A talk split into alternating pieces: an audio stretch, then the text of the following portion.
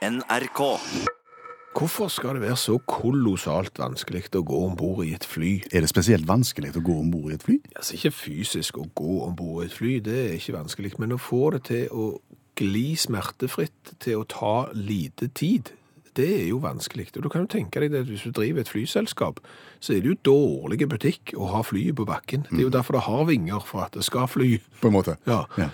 Og bare fra du begynner med, med skranken før du skal gå inn i den der lange korridoren og ut til flyet der, bare der eh, oppstår jo problemene først. Hva er det som skjer der? Nei, for da er det sånn, da roper du opp de som har prioritert eh, ombordstigning. De som har betalt for det, de som har sånne gull- og diamantkort, og sånn som vi andre ikke har. Ja. De som gjerne har en eller annen kode på billetten sin, rad ditt til datt. De skal få gå først. De kan komme nå. Hva skjer da? Da står jo alle der. Ja, da. Så, så da skjer det jo ingenting. Nei, for når de da kommer fram, de som da ikke har kort, så blir de avvist, og så går det en del tid i avvisning og flytting av de. Det er alltid en som skal prøve seg med sin billett og tenke at det går sikkert, men det gjør ikke det. Så får han et rødt kryss, og så blir det jo bare glatt. Så tar det tid. Ja. Eh, Så kommer du jo da inn i flyet. Og de som gjerne har prioritert ombordstigning, det er jo de som sitter på de første radene som har betalt mest. Ja. De har jo med seg en del håndbagasje, så de skal opp i hylla. Dermed så er det jo ingen andre som kommer videre inn i flyet til rekke nummer 17 til 32 for eksempel, fordi at folk står der og laster store kofferter. Så da tar det tid. Ingen klarer å flytte seg, og det baller jo bare på seg.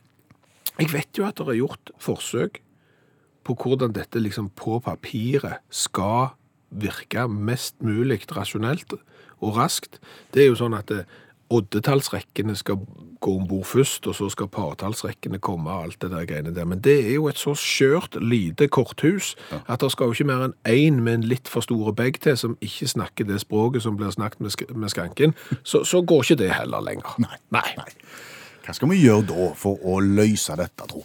Jeg har tenkt at vi skal look to tømmerrenna.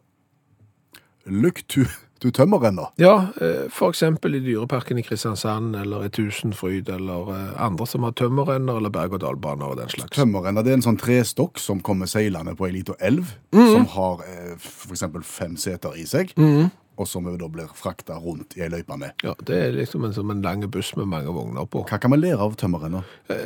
Hvordan går du om bord i et tømmerrenne? Uh, ja, Du står jo først lenge i kø, da. Ja, du, i, i sikksakk. Ja, i sikksakk. Ja. Men så kommer du fram til selve renna, Ja. og da blir du lina opp i rekker, alt etter hvilket sete i tømmerrenna du på en måte er tiltenkt din plass i. Stemmer det. Sånn at hvis du skal helt fremst, så står du i rad nummer én, og de som skal sitte bak deg, står i rad nummer to. Og med en gang tømmerrenna kommer inn, så tømmes jo tømmerrenna ut på den ene sida, mens du som tømmerrennekunde går rett inn på den plassen du skal. Ja. Og så, så er han av gårde. På no time. Og litt av det der burde jo flybransjen få til. Kan det være så kolossalt vanskelig? Jeg vil tro at det er det, i og med at det er nok mennesker i flybransjen og i flyutviklingsbransjen som har tenkt de samme tankene som deg, og jeg vet ikke om de har tenkt tømmer ennå. Nei, det burde de ha gjort. Eh, Rent optimalt nå. Nå vet ikke jeg om dette går rent teknisk ennå, sånn som verden er skrudd sammen. Men tenk deg at du stiller opp på flyet som om du skal ombord i tømmerrenna. Alle stiller seg opp til sin seterad. Og så istedenfor å ha ei lita dør, som det er nå, både foran og ei lita dør bak i flyet, så er hele sida ei dør. Så bare vipper du opp, voff, og så turer du inn. Og det er bare seks stykker, eksempel i en vanlig Boeing 737, som skal inn på den raden du skal. Det er ingenting. Ja, men, men skal du ha en tilsvarende åpning av motsatt vegg i flyet, voff, som du sier, hvor alle skal gå av? Det hadde jo ikke gjort noe, det. Eh, De skal jo gjerne rydde flyet, så om de òg kommer ut den samme veien, det, det, det skal ikke jeg legge meg opp i ennå. Eh, Og så er det kanskje noen som kan si at ja, men det, da blir flyet for tungt, og det lar seg ikke gjøre, Skjæveland, å åpne hele sida på, på liksom røret på den måten. Du, du får ikke en så kraftig konstruksjon, og nei, hva vet jeg. Men du kan jo iallfall ha litt flere dører, da, og kanskje bitte litt bredere, sånn at eh, La oss si fem dører, da. I, i, i hvert fall, Sånn at folk ikke skal gå så langt. De bare går inn den døra der, og så rett til sides, og så er de på, på plass. Det er jo genialt. Ja. Jeg vet ikke om du klarer å selge det inn til, til Boeings og, og de, men, men Eh, eh, altså, Etter det jeg har grunn til å tro, så hører både Airbus og, og Boeing og Lockheed Martin og alle disse her andre flyselskapene, de hører utelukkende på P1 på arbeidsplassen sin. Så nå, nå har dere hørt dette, Dear Boeings. Hva er tømmerrenna på engelsk? Det er tømmerrens. Look to them. Look to the tømmerrens. Jeg sitter med en helt klar oppfattelse av at det er mye mindre rilting og ralting og duttan i eh, populærmusikken nå enn det var før. Det var mer rilting og ralting og dyttan før. Ja, og, og nanning, lalling og skjalling. Akkurat. Ja, det, det er jeg ganske overbevist om, og, og spesielt rilting og ralting. Du er litt jo- utydelig nå. Jo, men det er jo gjerne sånn at når du synger en tekst, Ja. eh, så synger du litt tekst, og så virker det som om du har sluppet opp for tekst, og, og da begynner du eksempel med, med rilting og ralting. Og mannen han gikk seg i via skog, hei farra i via skog. Da hørte han ei kråke i lunden gol, hei farra, du riltur altura. Så du mener at forfatteren av uh, 'Mannen han gikk seg via skog' gikk tom for, for tekst og kompenserte med rilting og ralting? Ja, ja helt, helt klart. Altså, kråkevisa der filler. Jeg har jo altfor mye melodi her, og altfor lite tekst. Her må jeg fylle ut med noe faltorilting Ja. og, og, og ralting. Og når hørte du faltorilting og ralting i, altså, i en ny sang? Nei, det, Nei. det jeg kan ikke tenke meg at jeg har hørt det i det hele tatt. Men, men jeg tror hvis du tar ut alt, rilten og ralten i den sangen der, Ja. og setter opp mot den totale lengden av sangen, så er det en stor prosentandel som går vekk i rilt og ralt. Ja, det, det er akkurat det jeg òg har, har, har tenkt, og jeg syns jo at det, det er ikke mye av det. Nei, men det, dette her er jo litt folkemusikkaktig, så her er det kanskje en, en tradisjon for den type ting i sånne vers som det. Så det hører på en måte hjemme med, med rilt og ja, altså, Du mener liksom at hvis du er innenfor eh, folkemusikk og gjerne litt sånn stev og sånn, Ja. så, kan du, så, så er det vanlig med rilting alltid? Gjentagende rilt og ralt. Ok, Stemmer. eh, ja, men jeg, jeg har flere eksempler, jeg.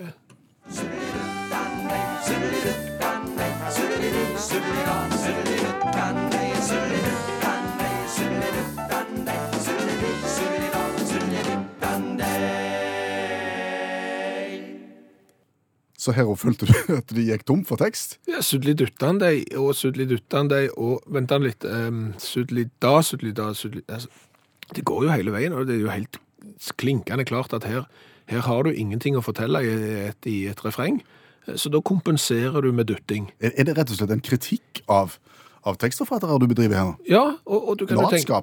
Ja, det vil jeg si. At du har lite på hjertet.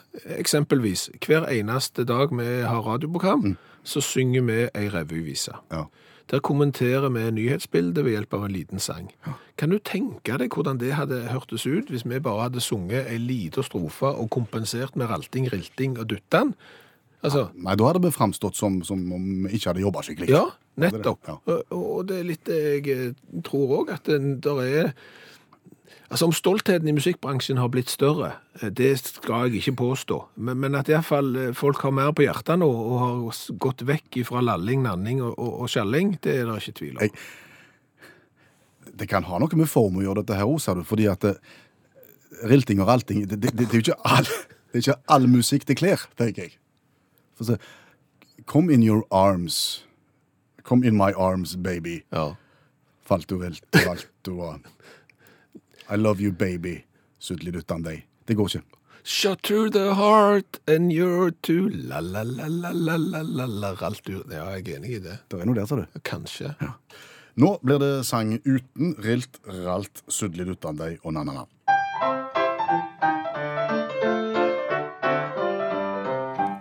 Blir dagens revyvise ført i pennen av Bjørn Olav Skjæveland. Tusen hjertelig takk, og som sagt så er dette en kommentar til nyhetsbildet ute i den store verden ved hjelp av en liten sang. Hva skal vi høre om i dag? Altså, det er jo eh, i dag igjen, eh, som nesten alle dager, så er det kolossalt mye å velge i. Eh, Og først så lurte jeg på om jeg skulle fortelle historien om mannen som satt fast i en ti meter høy lyktestolpe i Birmingham i England. Han klatra opp i stolpen, men kom ikke ned. Ja, eh, og måtte ha hjelp. For det som var litt artig med den historien, selv om det jo er tragisk, så er det jo litt artig. Han var høy. Han, han var høy, ja, og Ja. derfor så ville han bli enda høyere. Ja, og, og politiet i Birmingham var jo ute da på Twitter og så sa at de måtte redde ned en mann som satt fast i en lyktestolpe ti meter over bakken fordi he was high. Akkurat. Ja, så det var jo litt artig da, men det ble ikke den. Nei. Eh, Jeg vurderte òg en sang fra Skottland. En sang?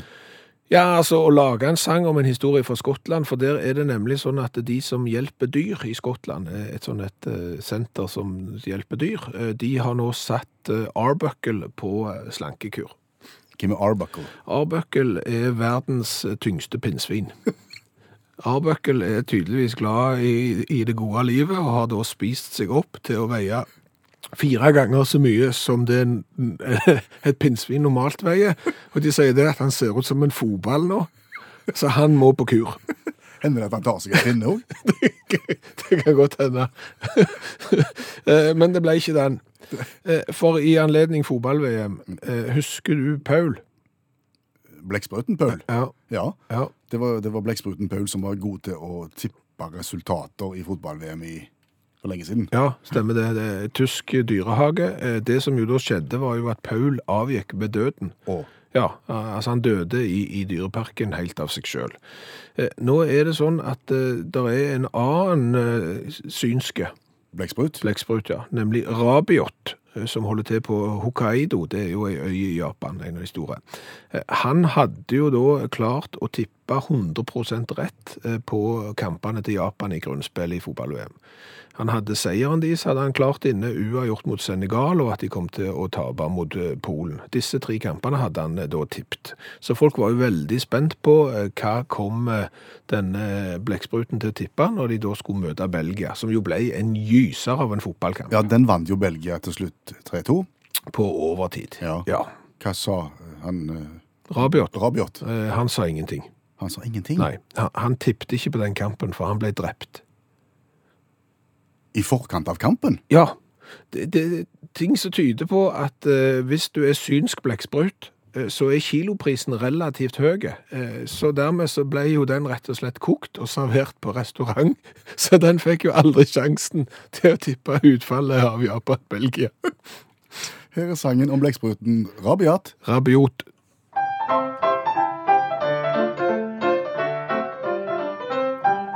En synsk liten blekksprut var svært kompetent på jobb og spådde resultat i kampene til Japan.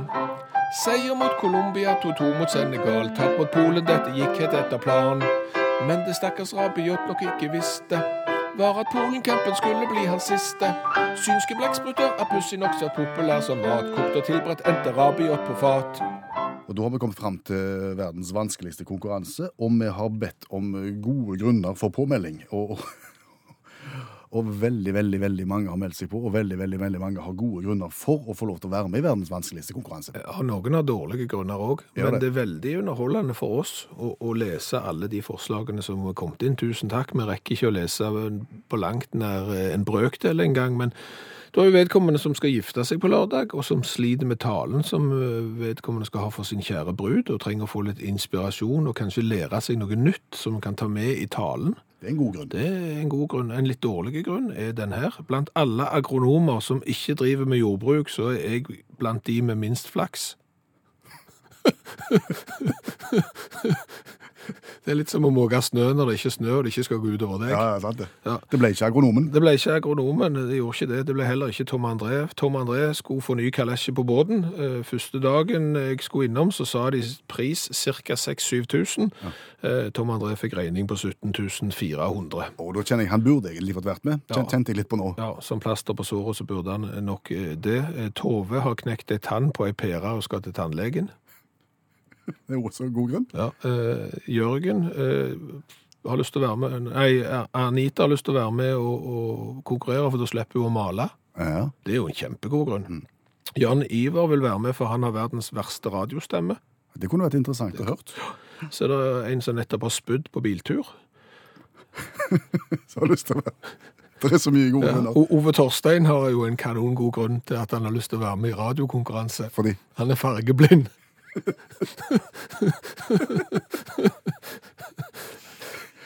Ok, eh, masse, masse gode grunner. Vi falt for Anita fra Bodø, som eh, skriver følgende. Jeg er en typisk besserwisser og har veldig godt av å svare feil på riksdekkende radio.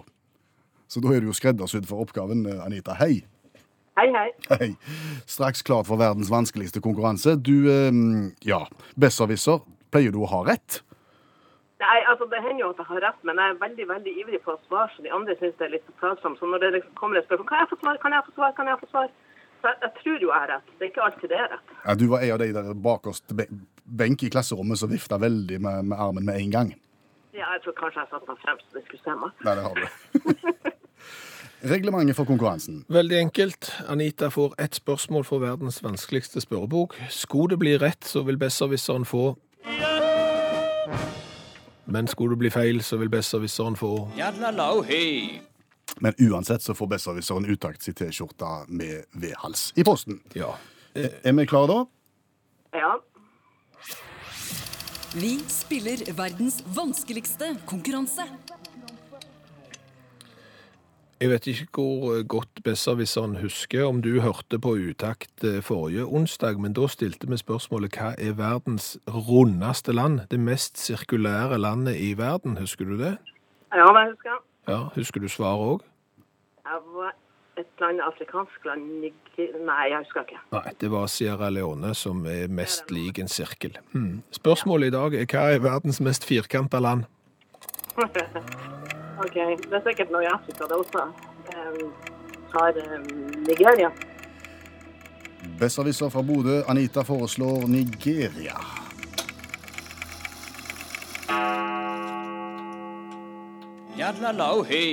Oi. Da ble det akkurat som du spådde. Du fikk lov å svare feil på riksdekkende radio. For det er nemlig Egypt som er verdens mest firkanta land. Eh, knepent foran Vatikanet. OK. Ja, for de har vel tegna i Afrika, så har de vel tegna grensene uten å gå på, i landet mange plasser. Stemmer det. Ja, så, så du kan si venstresida og bånden til Egypt er veldig beine. Og så er det litt sånn mirakels i toppen og, og på høyre side. Men ellers relativt firkanta. Hmm. Ja. ja, det kan du se. Da gjorde jeg feil. Igjen. Men da har besserwisser Anita lært noe i dag, ja, jeg lærte det i dag. og snakket på riksdekkende radio. Og da vet du at verdens rundeste land er Ja, det har jeg glemt. Sierra Leone Sierra Leone, ja. Og, og verdens mest firkanta land er Egypt. Du, skal vi rekapitulere litt? Grann? Ja, vi kan godt det, men jeg liker ikke uttrykket. Du liker ikke å rekapitulere Nei, men jeg tror egentlig det er feil. hele uttrykket? Ja, hele uttrykket tror jeg er feil. Eh, fordi at eh, hva betyr å, å kapitulere? Da gir du deg. Ja, Ja. det er gjerne noe du gjør i en feide eller en krig eller et eller annet. jeg kapitulerer. da kapitulerer Jeg- jeg gir meg. Ja, Ja. stemmer det. Eh, Og, og hvis du organiserer noe, da organiserer du noe.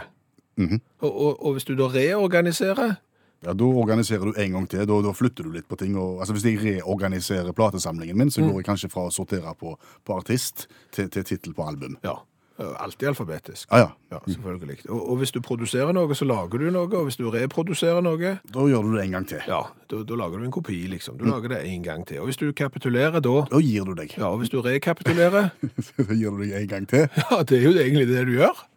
Men, men det betyr ikke det. Rekapitulere, det blir jo å gå tilbake i tid og se hva vi gjorde da, og fortelle om det. Ja. På en måte. ja, det er rart. Ja.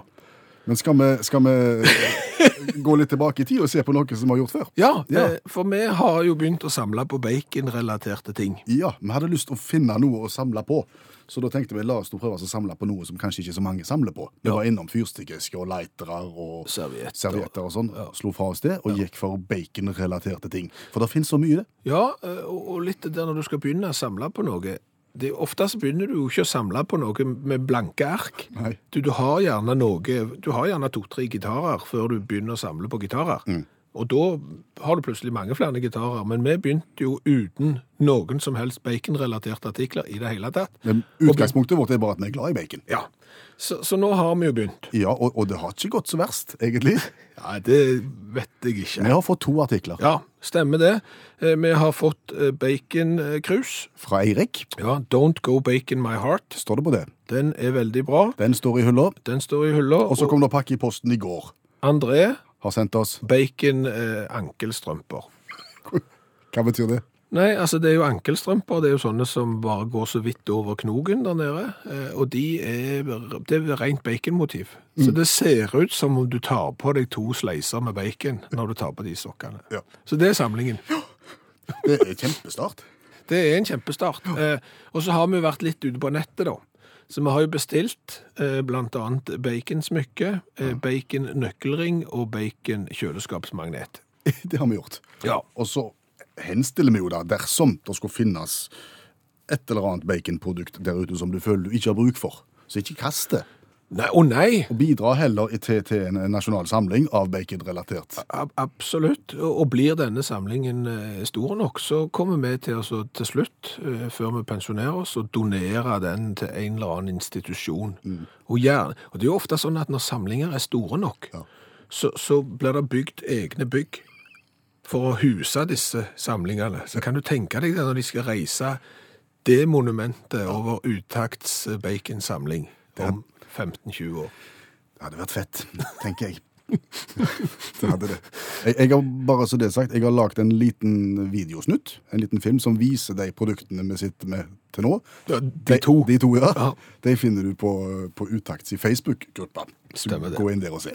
Eh, Men nå er jo i hvert fall tipset gitt at hvis du nå er ute i det ganske utland, f.eks., eksempel, eh, som jo er et stort land, og plutselig finner noe baconrelatert, så du tenker det går nok inn i den store, store baconsamlingen. Så bare Det er lov å bidra. det er lov å bidra. Ja.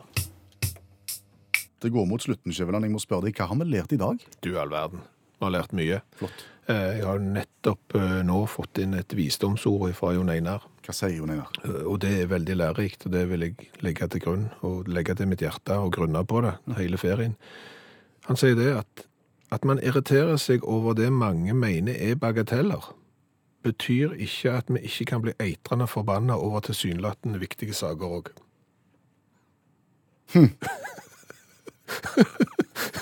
Den, den er god, den. Det er ganske djupt. Ja. Ja, så det har jeg lært.